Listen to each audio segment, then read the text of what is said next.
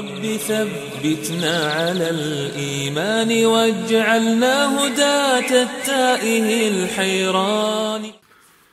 أعوذ بالله من الشيطان الرجيم. بسم الله الرحمن الرحيم. إن الحمد لله تعالى نحمده ونستعينه ونستغفره ونعوذ بالله من شرور أنفسنا ومن سيئات أعمالنا. من يهده الله فلا مضل له ومن يضلل فلا هادي له. واشهد ان لا اله الا الله وحده لا شريك له واشهد ان محمدا عبده ورسوله ارسله الله تبارك وتعالى بالهدى ودين الحق ليظهره على الدين كله وكفى بالله شهيدا ثم اما بعد Svaka zahvala pripada Allahu subhanahu wa ta'ala, njega slavimo i njega veličamo, od njega pomoć tražimo.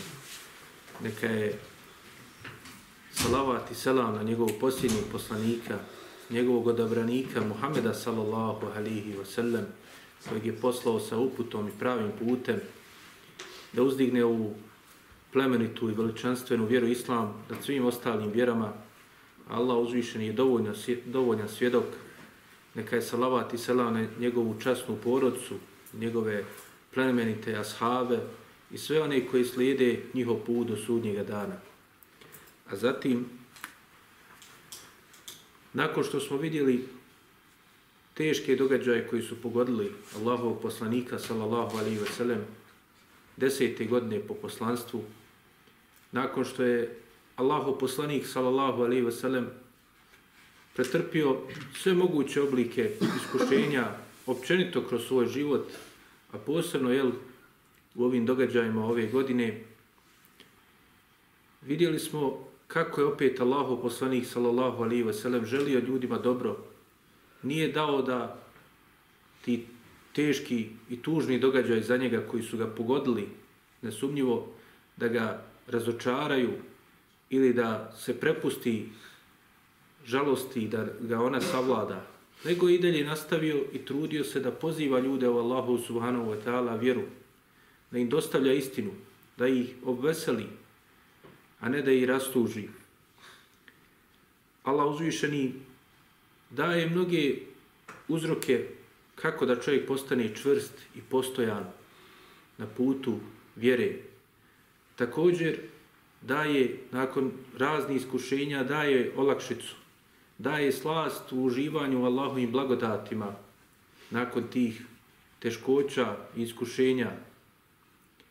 Učenjaci spominjući koji su uzroci iz onoga što je vidljivo iz života Allahov poslanika sallallahu alaihi ve sellema i njegovih ashaba, koji su uzroci koji pomažu čovjeku da izdrži na pravome putu, da ostane postojan na putu istine, da osaburi i ne dadne da ga pokolebaju razna iskušenja i nedaće koje ga zadese, spominju šest stvari, pa kažu prije svega to je vjerovanje u Allaha subhanahu wa ta'ala.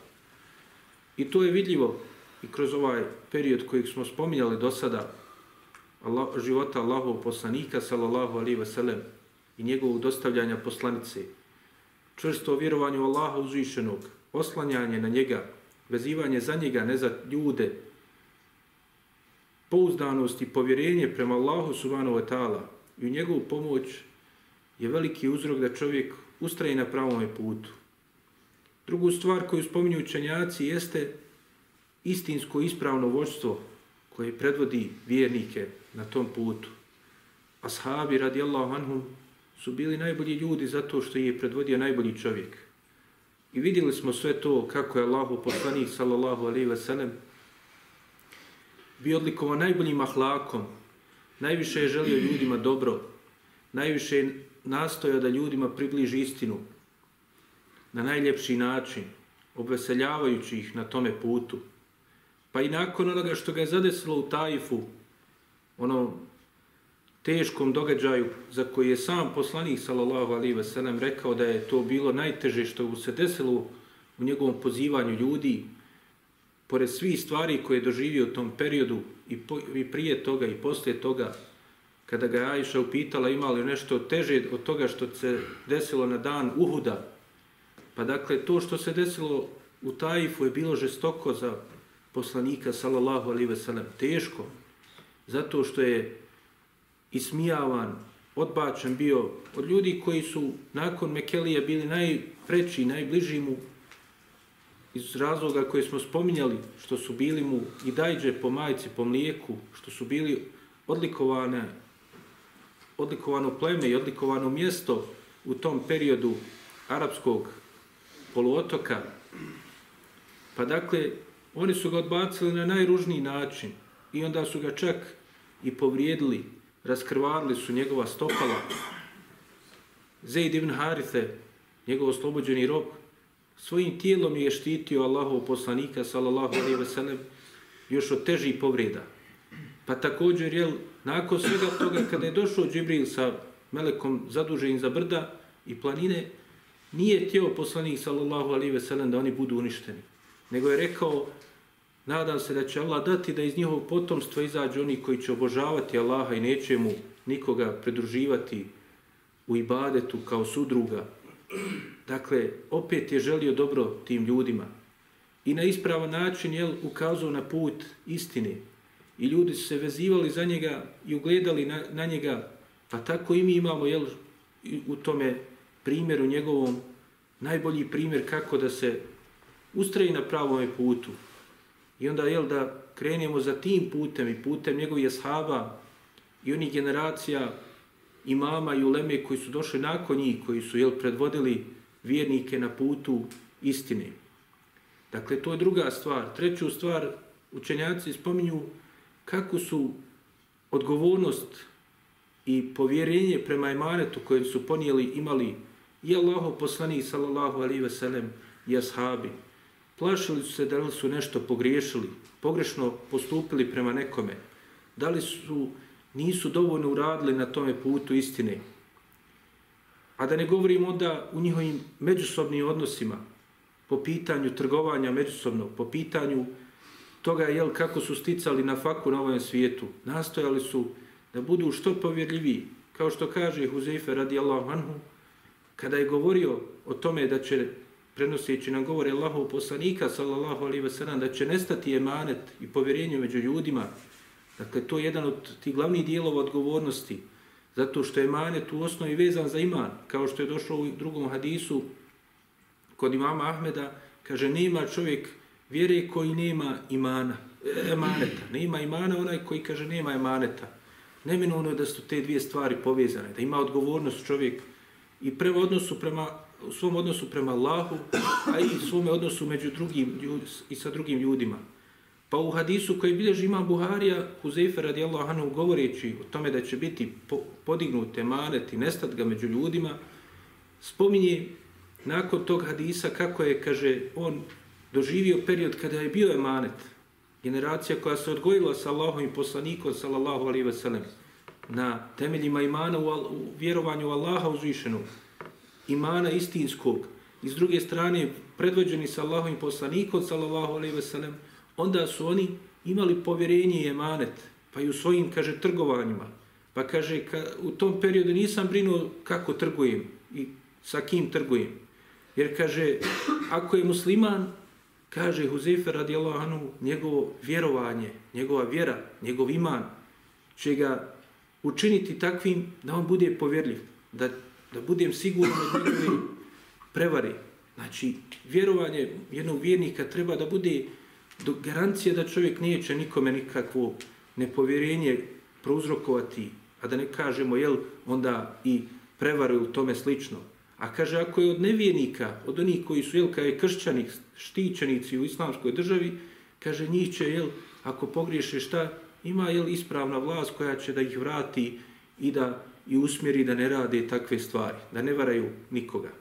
Pa kaže, nakon toga, došlo je vrijeme, priča El Huzefe radijallahu anhu, dakle u vrijeme kada je još bilo i ashaba, da kažemo u drugoj generaciji Islama, koja je druga najbolja generacija u ovome umetu, generaciji Tabina, kaže, došlo je vrijeme, kaže, kada više ne trguje niskim, osim sa, kaže, pojedincima, sa tim, tim i tim i tim, ne navodeći imena, ali, dakle, želići da kaže da je nestalo tog emaneta. Pa je dakle odgovornost i briga da čovjek bude odgovoran prema svome vjerovanju, prema svojim imanu, pa onda i u odnosima sa ljudima, veliki uzrok da čovjek onda ustraje na tom putu, na putu istine. I da ga onda ne, nikakve nedaće neće pokolebati ili slomiti na putu ka glavnom cilju njegovom, a to je da zavradi i da stekne Allahu subhanahu wa ta'ala milost. Nakon toga vjerovanje u drugi svijet. Dakle, da vjeruje čovjek da ovaj svijet je prolazan, da je on varljivo naslađivanje, kratko naslađivanje, kao što nas Allah uzvišeni obavještava u Kur'anu, da je ovaj svijet ne vrijedi kod Allaha uzvišeno koliko krilo mušice.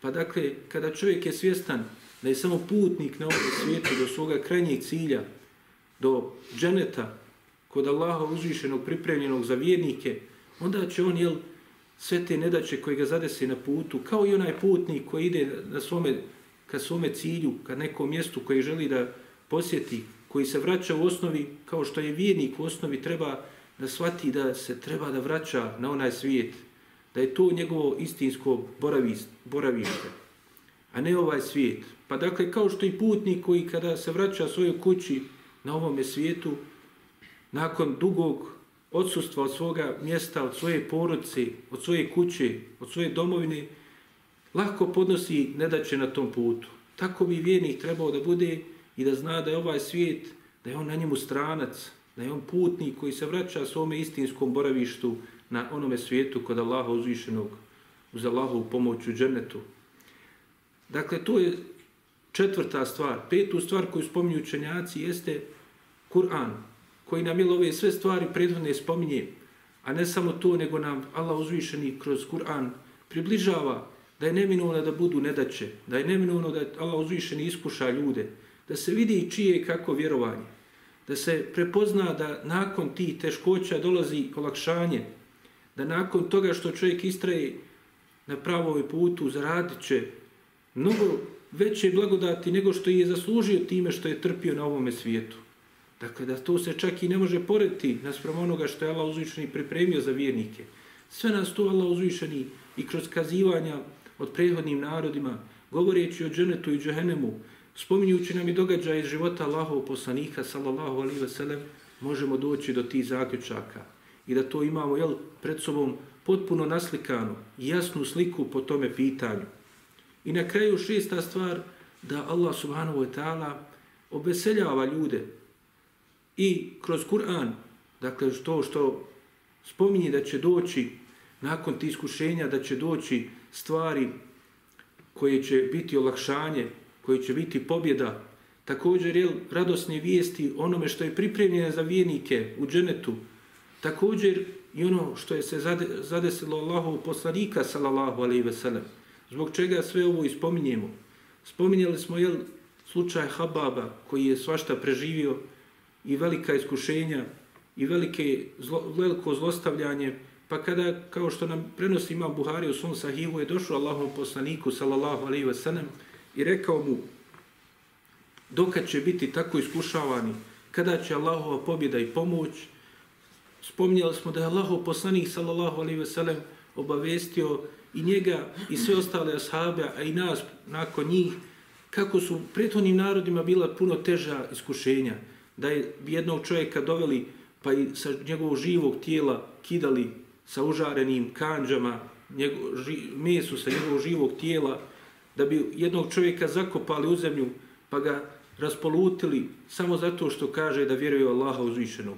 Pa kaže na kraju poslanik sallallahu alaihi ve sellem u jednoj od tih predaje kaže vi ste narod koji požuri, a u drugoj predaji kaže kaže a nakon toga, nakon svih ovih iskušenja, dakle, misleći na ono što je zadesilo te ashabe, kada doista će doći vrijeme kada će čovjek, konjanik, od Hadremauta do Sanei ili od Sanei do Hadremauta ići potpuno bezbjedan, bez ikakih strahova, osim što će se bojati Allaha uzvišenog, a u trećoj predaji se dodaje i bojat će se od vuka za svoje stado ovaca. Dakle, Allahova pobjeda je obećana vjernicima i ashabi zajedno sa Allahovim poslanikom sallallahu alaihi ve sellem su to i doživjeli.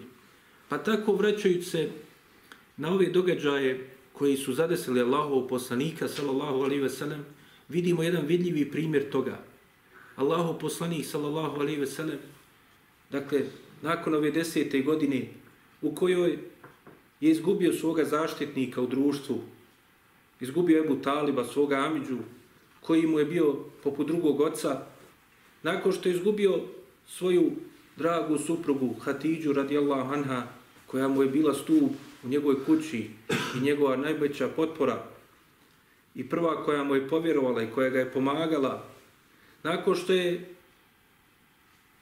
mnoštvo njegovih ashaba, pa čak u jednom momentu Jebu Bekr moralo da učini hijđru i više nije mogla da ostane s njim u Mekki, nakon što je, nakon toga što su mušici, zato što su vidjeli da više nema Ebu Taliba, iskoristili to da počnu i fizički da zlostavljaju otvoreno Allahovog poslanika, sallallahu alaihi ve sellem.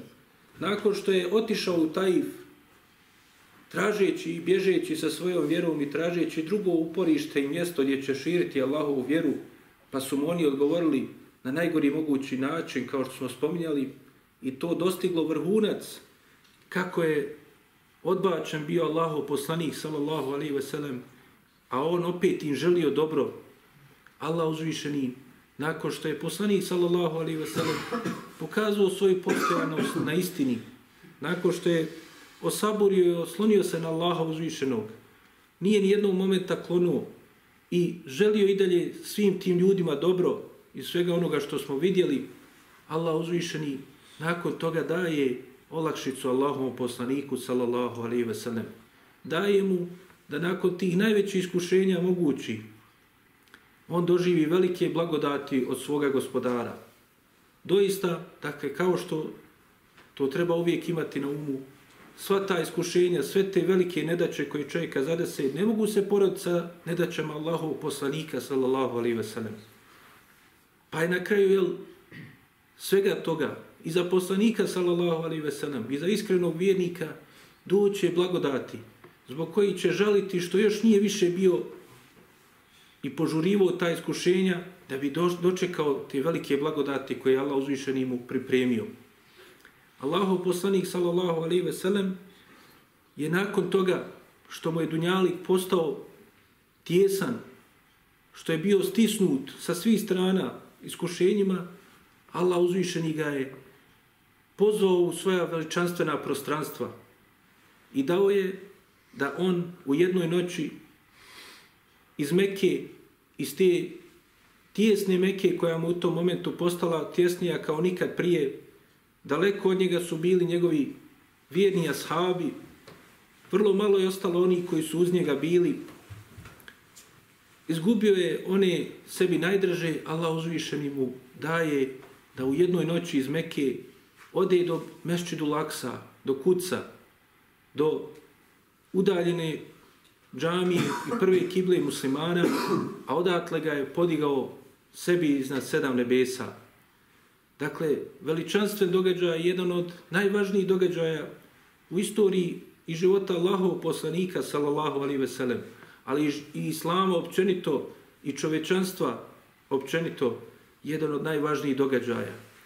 Zato što je to bili veliki ajeti Allaha subhanahu wa ta'ala koji je podario svojom poslaniku, kojima je odlikovao njega nad svim ostalim vjerovjesnicima i poslanicima. Odlikovao ga i potvrdio da je on pečat svih njih i njihov predvodnik i njihov prvak i prvak svih Ademovih potomaka. Ali je to on se zaslužio i, i dostigao Allahom blagodati zato što se pokazao na tim iskušenjima, zato što je pretrpio to sve što je pretrpio, Allah uzvišeni ga je odlikovao time čime ga odlikovao.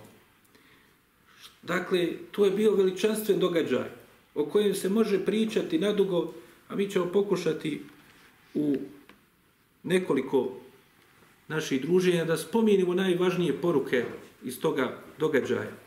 Prva stvar o kojoj treba reći po pitanju ovoga jeste šta je to El Isra al Miraj?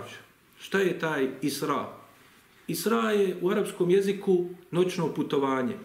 Dakle, to je putovanje koje čovjek napravi u toku noći. To je u jezičkom značenju, a i u značenju ovoga što se desilo poslaniku, sallallahu alaihi ve sellem. Što se tiče jel, Mi'rađ, to je uzdigne, uzdizanje. Dakle, da se sa jednog mjesta uzdigne čovjek na neko drugo.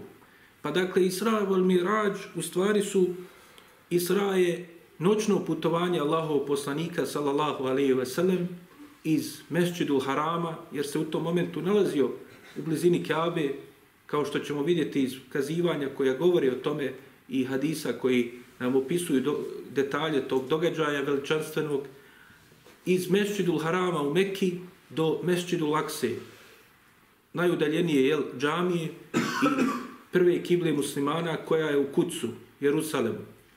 Odatle poslanik sallallahu alaihi ve sellem nakon što je došao Džibril i nakon što je na buraku ga na toj veličanstvenoj jahalici koju Allah uzvišeni podario, pre, prevacio u vrlo kratkom vremenu iz Mesčidul Harama do Mesčidul Lakse, tu je poslanik sallallahu alaihi ve sellem ušao u Mesčidul Aksa i klanjao kao predvodnik i kao imam svim vjerovjesnicima i poslanicima namaz. Nakon toga Allah uzvišeni ga je uzdigao iznad sedam nebesa, tako što je došao prvo do prvog neba.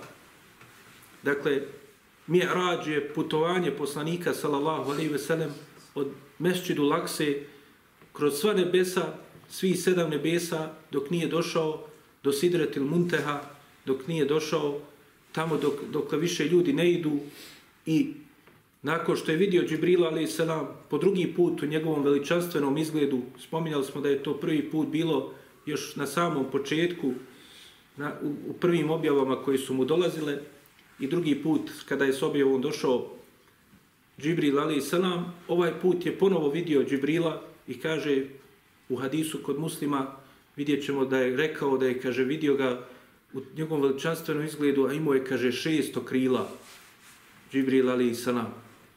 Nakon toga je otišao i pričao sa Allahom subhanahu wa ta'ala bez posrednika. I on je nakon jel, Musa ali i salam bio drugi koji je pričao direktno sa Allahom uzvišenim. Ali, dakle, još gore, još iznad ti svi nebesa. Dakle, došao je do prvog neba.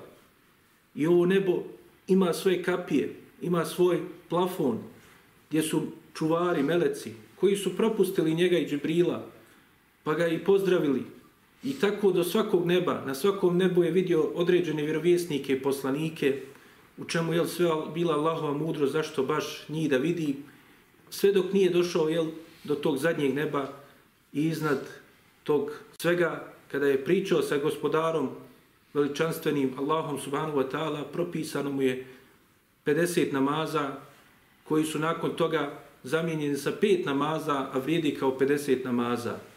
I time je upotpunjeno to put, putovanje Allahov poslanika Muhameda sallallahu alaihi ve sellem u noći Isra wal Mi'raj. Dakle, to je jedan od najveličanstvenijih događaja koji se desio u istoriji čovječanstva, kojim je odlikovan Allahov poslanik sallallahu alaihi ve sellem.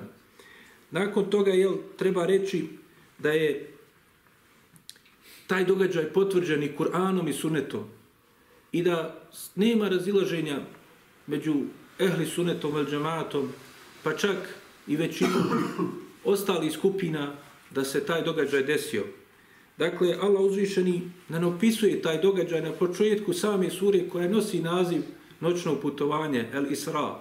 Pa kaže, jel, potvrđujući tu da se desilo noćno putovanje iz Mekke u Kuc, Allah uzvišeni kaže, Subhana lazi esra bi abdihi lejle min al mesjidil haram ila mesjidil aqsa الذي باركنا حوله لنريه من آياتنا إنه هو السميع البصير Allah uzvišen jel potvrđuje upravo ove stvari koje smo govorili da je to bilo noćno putovanje i kaže slavljen neka je on i uzvišen neka je on koji je svoga roba u, u jednom momentu noći preveo iz mesčidul harama, dakle svete džamije u Meki do i časne džamije u Meki do najudaljenije džamije Mešćidu Laksa, čiju okolinu smo kaj je blagoslovili.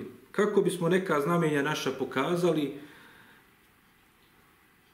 on je u istinu i sve videći. Dakle, Allah uzvišeni nam potvrđuje ovdje, kao što smo rekli, Isra znači noćno putovanje, ali Allah uzvišeni, kao što kaže Ibn Kethir i drugi, potvrđuje to i kaže, nakon što je rekao da Esra bi abdihi lej, kaže lejlen, kaže, nakon što je rekao da smo ga preveli u noći, kaže i potvrđuje ponovo u noći da se zna da je to bilo toku te jedne noći, da se desio taj događaj.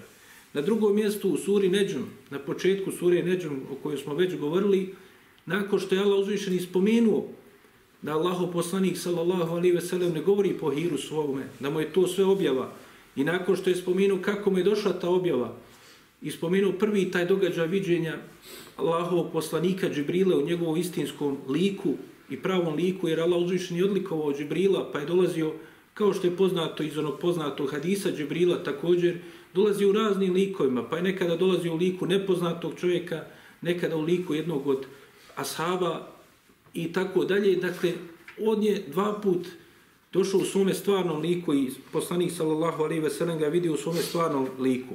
Pa dakle, spominje u početku sure Neđum to prvo viđenje, pa onda nadovezuje i drugo viđenje. Pa kaže Allah uzvišeni, vole kad rahu nezleten uhra. I kaže, vidio ga i drugi put. Inde sidratil munteha kod Sidretul Muntaha, što potvrđuje jel, da je bio mi'rađ, da je poslanik sallallahu alaihi ve sellem došao do Sidretul Muntaha, da je tu vidio Džibrila alaihi selam. Indeha džernetul me'wa, kaže, kod nje je džernetul me'wa. Kod njega je, kaže, dženet koji je boravište. To je to, dakle, istinsko boravište. Zato Allah uzvišeni ga zove džennetul me'wa. Zato što je to istinsko boravište vjernika. Zato što je vjernik na ovome dunjaluku, on je u istinu u, u, u zatvoru, ograničen je. Kao što je poslanik, sallallahu alaihi ve sellem, ovim teškim događajima bio ograničen, bio u, u sti, su, dakle, sužen mu je načini djelovanja, načini praktikovanja Allahove subhanahu wa ta'ala vjeri, zlostavljanje, mučenje, imao je razne nedaće. Općenito, je dunjaluk je siđnul mu'min. Dunjaluk je, kao što kaže poslanik, sallallahu alaihi ve sellem, zatvor za vjernika vo džennetu lil kafir, kaže i džennet za kafira. Nevjernik, je ono što uzme od blagodati na ovom svijetu, to su mu blagodati. A vjernik, je koji istinski svata ovaj svijet i onaj svijet, zna da je džennetul me'wa, da je džennet to istinsko boravište, koje je pripremljeno za vjernike u kojem će oni vječno boraviti. I tu je, dakle, došao Allahov poslanik, sallallahu alaihi wa sallam.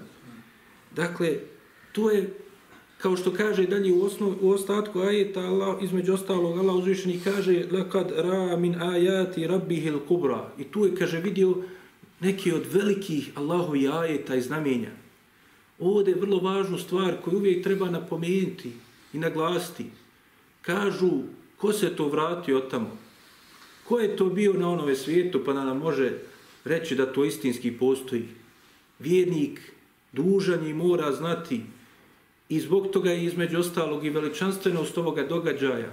I uvijek imati na, na pameti Allaho poslanik Muhammed sallallahu alaihi ve sellem bio je na onome svijetu. Vidio i džennet i džehennem. I ne samo jednom prilikom da je vidio, ali ovdje je bio, istinski je bio tamo i vidio je i džennet i džehennem. Prošao je svi sedam nebesa. Bio je na onome svijetu. Dakle, I nakon toga se Allahu poslanik sallallahu alaihi ve sellem vratio. Dakle, ako želite dokaz ko je bio tamo, a to su teške riječi, velike riječi, strašne riječi da i kaže jedan musliman, ko je bio tamo i od tamo se vratio i tome slično. Riječi nevjerstva, riječi kojima čovjek negira da vjeruje istinski u Allaha subhanahu wa ta'ala. Zar je potrebno to, nakon svega što je Allah uzvišen nas obavijesti u Kur'anu, da iko sumnja, Ali evo, Allaho poslanik sallallahu alaihi ve sellem je bio na onome svijetu i vratio se. Također, sunetom i hadisima Allahov poslanika sallallahu alaihi ve sellem ovi događaji su preneseni. I ne samo da su preneseni, nego se spominji da, se, da su preneseni tevaturo, to jeste toliki broj prenosilaca prenosi da nema sumnje u njihovu vjerodostojnost. Od svih poznati zbirki hadisa zabilježili su nešto od događaja koji se vežu i neku od predaja i neki od detalja koji se vežu za Isra i Mirađ. A ashaba koji prenose ovaj događaj je mnoštvo. Neki od učenjaka poput Ebul Hattava, Umera ibn Dihije, u svojoj knjizi Etenvir fi Maulidi Sirađel Munir kaže da taj događaj prenosi i Omer radijallahu anhu, i Alija radijallahu anhu, i Abdullah ibn Mas'ud, i Ebu Zar al-Gifari, i Malik ibn Sa'sa, i Ebu Hureyre, također da prenosi Ebu Sejd al-Hudri, i Abdullah ibn Abbas, i Šeddad ibn Eus, i Ubej ibn Kav, i mnoštvo drugih ashaba, dakle, koji su oni spominjali i naveli, poput Džafera, Huzeife, Abdullah ibn Amra, dakle, mnoštvo ashaba prenosi da se desio istinski taj događaj u životu Allahov poslanika, sallallahu alaihi wa sallam. I nakon toga su jel, spomenuli mnoštvo detalja, neki su spomenuli neke detalje, neki drugi, ovisno od onoga što su zapamtili i čuli od Allahov poslanika, sallallahu alaihi wa sallam, i od onih koji su pričali od Allahov poslanika, sallallahu alaihi wa sallam. Sljedeće pitanje koje se postavljano vezano za ovaj događaj, ovaj veličanstveni događaj, jedan od najvažnijih, jel, kao što smo spomenuli to, u istoriji i života Allahov poslanika, sallallahu alaihi ve sellem, i islama i čovečanstva, kada se taj događaj desio? Kada je poslanik, sallallahu alaihi ve sellem, bio na Israu al Mirađu? Kada je bio i na Israu i Mirađu? Učenjaci se razišli na mnoštvo mišljenja kada se istinski desio taj događaj. I po pitanju koje godine, i po pitanju kojeg mjeseca, i po pitanju kojeg dana. Pa kaže Hafiz ibn Hajar, nakon što je pomenuo neki od tih govora, između kojih je da se desilo to tri godine prije Hidžre, drugom događ, druga mišljenje da se desilo 16 mjeseci prije Hidžre, dakle godinu i pol prije Hidžre, treće mišljenje da se desilo 14 mjeseci prije Hidžre, četvrto mišljenje da se desilo godinu dana prije Hidžre, po jednom mišljenju se desilo u mjesecu Ramazanu, po drugom mišljenju se desilo u mjesecu Ređepu, 27. kao što je poznato da ljudi to jel, obilježavaju tu noć. Po trećem mišljenju se desilo 17. noći Rebiul Leuala. Dakle, mnoštvo mišljenja. Pa kaže Ibn Hajar ima preko 10 mišljenja koje govore o tome kada je poslanik sallallahu alaihi ve sellem bio na Israo i Mirađu.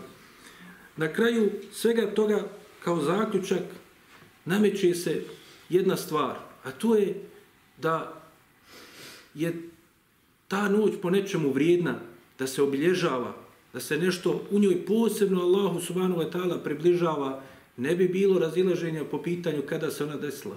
Zar je moguće da nam poslanik sallallahu alaihi ve sellem i njegovi ashabi koji su jel to za prenijeli na čitavu vjeru i sam Kur'an od Allahov poslanika sallallahu alaihi ve sellem ne prenesu tačno kada se to desilo. To je zato što taj događaj ne predstavlja jel, sa strane obilježavanja te noći, tog momenta kada se desilo neku veliku vrijednost, nego je on sam po sebi vrijednost iz onih stvari koje proizilaze iz njega. Prije svega praktikovanje namaza. Zar nije čudno što ljudi traže neke mubarek noći u kojima će Allahu ibadetit, pa primjera radi ovu noć Isra i Mirađa, a zapostavljaju ono što je u toj noći objavljeno, a objavljen je namaz koji je stup vjere, bez kojeg nema vjere, kaže u hadisu kojeg nam bilježi ima Mahmed u svome musnedu, Allahov poslanih sallallahu alaihi wa sallam, nam kaže, kaže, onaj koji bude čuvao namaz, imaće nur, svjetlo, imaće burhan, dokaz, imaće neđat, spas na, sud, na, na sudnjemu danu. A onaj, kaže, koji ne bude ga čuvao, neće imati ni nura, ni svjetlosti. Kako da kroči kroz mine zabluda, neće imati ni burhana ni dokaza kojim će se sačuvati i spasiti na sudnjem danu, neće imati neđata i bit će, što još gore od toga, dakle onaj koji ne bude imao i ne bude čuvao namaz, to jest ne bude ga praktikovao u svome životu i stalno klanjao onako kako je propisano pet puta dnevno i koji, kako je objašnjeno, jel, i desilo se i, i poslaniku, sallallahu alaihi ve sellem, naređeno direktno od Allaha uzvišenog, bez ikakvog posrednika, to je propis kojeg je dobio direktno od Allaha uzvišenog, pričajući sa njim, subhanahu wa ta'ala, u noći Isra i Mirađa. Dakle, ako ne bude to radio, kaže poslanik sallallahu alaihi ve sellem, ne bude čuvao namaz, bit će, kaže, u društvu Karuna, Faraona, Hamana i Ubeja ibn Halefa, onog što smo spominjali, jednog od najžešćih u zlostavljanju i neprijateljstvu prema Allahovom poslaniku sallallahu alaihi ve sellem. Pa kaže, možemo zaključiti dakle, dakle, da ta noć se sigurno desila iz onoga što se spominje općenito, dakle da se desila nakon poslanikovog sallallahu alaihi ve sellem povratka iz Taifa. Nije se desila prije toga. Desila se dakle nakon desete godine po poslanstvu. Većina učenjaka spominju i najbliži su tome da se to desilo 12. godine po poslanstvu, dakle godinu dana ili 16 mjeseci, dakle u tom nekom periodu e, prije nego što će poslanik sallallahu alejhi ve sellem napraviti hidžru. Ali dakle ne zna se tačan datum i nema nikakvi jasni dokaza na koji osnov koji se može reći ni tačan dan, dakle u sedmici, ni tačan dan u mjesecu, niti koji je tačno bio mjesec, niti koja je tačno bila godina. I zato smo ispomenuli ovaj događaj nakon događaja i onoga što se desilo u Tajfu ali dakle kada se tačno desilo, dakle da li se desilo 11. godine, 12. ili čak 13. dakle nekoliko mjeseci prije Hidžre, Allah najbolje zna. Ali dakle to nam nije ni važno, kao što smo ispominjali, ashabi općenito su nam prenijeli iz ovih događaja prvih samo ono što je vezano za propise. Da je bio kakav propis vezan za taj dan, moment kada se to desilo, oni bi nam to prenijeli ali pošto nema nikakvog obilježavanja, nikakvi mubarek noći osim noći Leletu Kadr, onda nisu nam ništa prenijeli po pitanju toga kada je desila se ovaj događaj. Dakle, ali to je dakle vrlo važno da se zna, zato što od istinskog sliđenja poslanika sallallahu alaihi ve sellem je da se čovjek čuva onoga što je suprotno od toga. A između ostalog, jel, stvari koje su ljudi kao inovacije uveli u približavanju Allahu subhanahu wa ta'ala, u poštivanju od njegovog poslanika, lažno pripisujući razne stvari njegovom sunetu, oni su time narušili, htjeli ili ne htjeli, bili svjesni ili ne, i znanja ili neznanja, narušili su istinsko slijedženje Allahovog poslanika, sallallahu alihi wasallam. Na, sljedeća stvar koju treba na, naglasiti jeste da je ovaj događaj Isra i Mirađa poslaniku, sallallahu alaihi ve sellem se desio tako što je on bio budan, i da je to on učinio i Isra, dakle i noćno putovanje i Mirađ, uzdizanje kroz sva ta nebesa, učinio sa svojim tijelom i sa svojom dušom. Dakle, poslanik sallallahu alaihi ve sellem nije to sanjao, nije to doživio u snu, nije to zamislio ili Allah dao mu uzvišeni neku viziju pa da to vidi, nego istinski, kao što vidimo, došao je burak, došla mu je jahalica, bijela jahalica, koja je veća, kao što kaže poslanik sallallahu alaihi ve sellem, vidjet ćemo, opisuje ča, pa kaže, veća je od magarca, a manja od mazge, bila je, kaže, bijela, imala je strašno brz hod, pa kaže, ona ga je prenijela do do kuca, do mešćidu lakse. I tamo je on, jel, zajedno klanjao sa ostalim vjerovjesnicima i poslanicima. Posle je sa Džibrilom otišao kroz sva ta nebesa. I također i sam ajet koji smo spomenuli ukazuje na to kakva je to veličanstvenost događaja kao što kaže imam Ibn Đerire Taberi, imam u Fesira i tumača Kur'ana, kaže kakva je vrijednost tog događaja ako nije se desila sa tijelom i sa dušom. Zar je to nešto jel, čudno ljudima da Allah uzvišen je sposoban da dadne da čovjek nešto sanja. Svi znamo sva, svašta ljudi i svašta smo sanjali, jel tako? Razne stvari. Ali dakle, Allah uzvišeni kaže subhanallazi subhanallazi asra bi abdihi lejlen. kaže slavljen neke onaj koji je čovjeka jel svoga roba dakle i to je velika počast poslaniku sallallahu alejhi ve sellem što ga je Allah uzvišeni tu, tu nazvao svojim robom odlikovo ga je time i dao mu veliku počast što ga je kaže preveo u jednoj noći i također činjenica da su mušici to negirali da se desilo u snu i da nije da nisu oni shvatili, da nije poslanik sallallahu alaihi ve sellem i rekao da je on išao svojim tijelom, a ne samo svojom dušom, ne bi dakle oni njemu to negirali i ne bi ga napali kao što ćemo vidjeti da su ga napali i da su ga ismijavali zbog toga što je rekao. Čak neki su se i odmetnuli od vjere nakon što su čuli da je poslanik sallallahu alaihi ve sellem govorio da je išao u toku jedne noći iz Mesčidu Lakse do iz Mesčidu Harama do Mesčidu Lakse Zato što je to jel, put koji je potrebno da se prijeđe za mjesec dana. Allahovom voljom mi smo došli u vrijeme kada je to nama nije začuđujuće. Normalno je današnjim savremenim sredstvima ko, e, transporta da čovjek za sat vremena prijeđe taj put.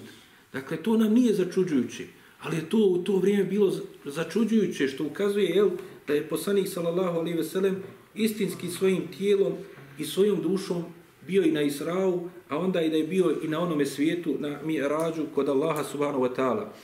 Također je Allah uzvišen u ovoj suri Isra u 60. ajetu to upravo i ukazuje nam i kaže وَمَا جَعْنَا رُؤْيَا لَتِي رَيْنَاكَ إِلَّا فِتْنَةً لِلنَّاسِ Kaže, mi nismo dali da vidiš te neke, neke, neke prizore od naših, od onih prizora koji smo ti dali da vidiš, osim da to bude fitna, iskušenje ljudima, da vidi se ko će vjerovati, ko neće. I zato se tu, kao što ćemo vidjeti, istako primjer Ebu Bekra, koji je nakon što je rekao da vjeruje poslaniku, sallallahu alaihi ve sellem, o svemu što je obavijestio, i Allahu poslanik sallallahu alaihi ve sellem ga prozvao Esidikom. I dakle nesumnjivo je dakle da je tu se poslaniku sallallahu alejhi ve sellem desilo na takav način što je i tijelom i dušom bio i u tom noćnom putovanju i onda uzdignut na onaj svijet kod Allaha subhanahu wa ta'ala. Sljedeća stvar koju treba naglasiti također jeste da je ovaj događaj se desio samo jednom u životu Allahov poslanika sallallahu alejhi ve sellem. Dakle, samo jednom je bio i na Israu i Mirađu. Jer se pojavili neki od učenjaka koji, ne razumijevajući upravo ovo što smo spominjali, da je mnoštva ashaba prenijelo taj događaj, pa dakle, neki su spominjali neke detalje, drugi ashabi su spominjali neke druge ashabi, e, detalje, zato što neki od njih su kasnije primali islam, dakle, u medijinskom periodu, poput Ebu Hureyre i drugih, jel, od Ensarija, Pa dakle, onda su oni prenosili detalje neke koje su poslije čuli od poslanika, sallallahu alaihi ve sellem. Drugi su prenosili od onoga što su čuli dok je, nakon što se direktno vratio poslanik, sallallahu alaihi ve sellem, njima u Mekki. Treći su bili abesini. Pa dakle, zato je došlo do nekih ti različitih predaja. I e, dakle, neki do, da spominju jedne detalje, a drugi druge detalje. Ali neki učenjaci su napravili grešku pa su rekli jel, da to ukazuje da je bilo više puta da je poslanik sallallahu alejhi ve sellem jednom otišao na Isra između Mekke i Kuca, da je drugi put ponovo išao, pa da treći put je također bio i Mirađ, pa da je također jedno bio Mirađ direktno iz Mekke, ali zato nema nikakvih dokaza. Dakle, ovo je velika počast koju Allah uzvišeni ukazao svome poslaniku i velika stvar koja se desila u njegovom životu. Allahu poslanik sallallahu alejhi ve sellem kada mu je došao Džibril kada je on bio u toj teškoj situaciji, spominje se u hadisu kojeg bilježe ima Buharija, ima muslim u svojim sahihima, koji su nam jel, prenijeli mnoštvo detalja vezano za ovo kazivanje, spominje se u njima da je poslaniku sallallahu alaihi ve sellem dok je bio pored Kaabe, došao Džibril alaihi salam i kaže rasporio mu je prsa.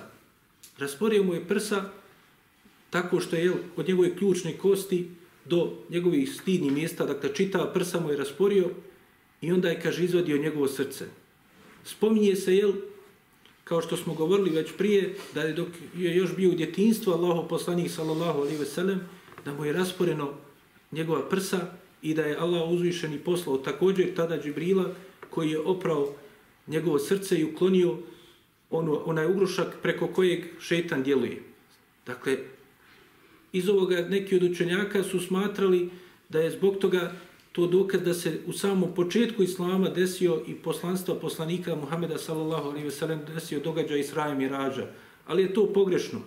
Također, dakle, oni koji kažu da je se samo tada desio, dakle, u momentu Israja Mirađa, da se raspore prsa poslanika sallallahu alaihi ve sellem i da Džibril mu opere srce, također griješe, nego ispravno da, dakle, da je dva put Allahom poslaniku Muhammedu sallallahu alaihi ve sellem Džibril došao, rasporio prsa i oprao njegovo srce. Prvi put, dakle, u, dok još u djetinstvu, uklanjajući mu onaj ugrušak preko kojeg šetan djeluje na svakog čovjeka i čisteći njegovo srce, opravši ga zemzemom, a također ovaj put došao je, kaže Džibril, i kaže, rasporio mu prsa, Pa kaže poslanik sallallahu alejhi ve sellem u hadisu koji nam prenosi Enes ibn Malik radijallahu anhu, kaže nakon toga je došao Džibril sa zlatnom tacnom i kaže stavio je to njegovo srce na tu tacnu i kaže oprao njegovo srce sa vodom zemzem i onda je kaže ulio njegovo srce iman koji je bio na toj tacni.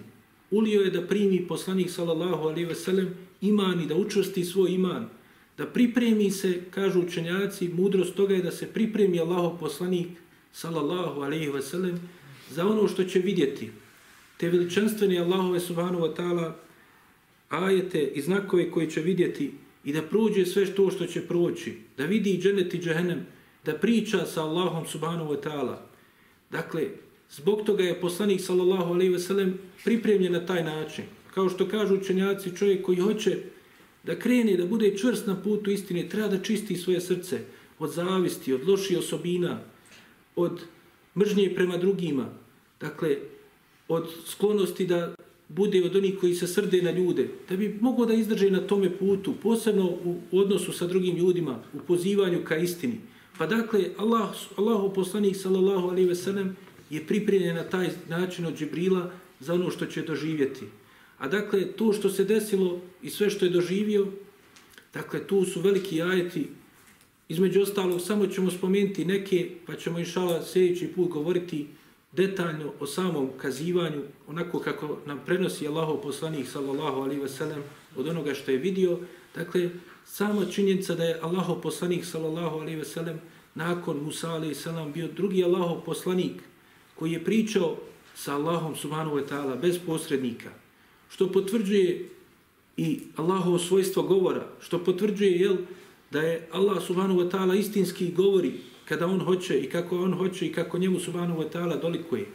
Činjenica da se potvrđuje da je Allaho poslanik sallallahu alaihi ve sellem bio i prošao sva ta nebesa i prvo i drugo i treće i četvrto i peto i šesto i sedmo i došao do sidretu munteha i onda otišao da priča sa Allahom subhanahu wa ta'ala to nam govori da je Allah uzvišeni uzvišen iznad arša odvojen od svojih stvorenja da je doista Allahu pripada svojstvo uzvišenosti onako kako njemu dolikuje i da je on odvojen od svih stvorenja. Dakle, ovo je jedan od velikih dokaza koji potvrđuju to ispravno vjerovanje ehli suneta val džemata.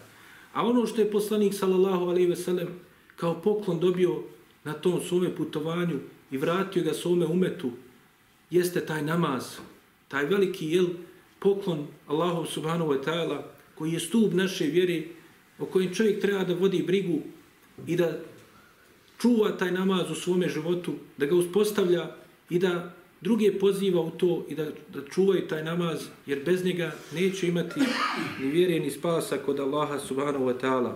A to što je doživio da je otišao u mešćidu Laksa i da je tamo klanjao namaz predvodeći sve vjerovjesnike i poslanike, to je bila ta radosna vijest da će Islam doći i do područja Šama, da će ta blagoslovljena dolina i ono što je okružuje i mjesta koje okružuju, koja su blagoslovljene od Allaha, kao što nam kaže u ovom ajetu na početku suri Isra, da će doći muslimani dotle, kao što su i došli u vrijeme Omera radijallahu anhu, pa ponovo u vrijeme Salahudina el-Ejubija, rahimahullah, i doće opet na ta područja.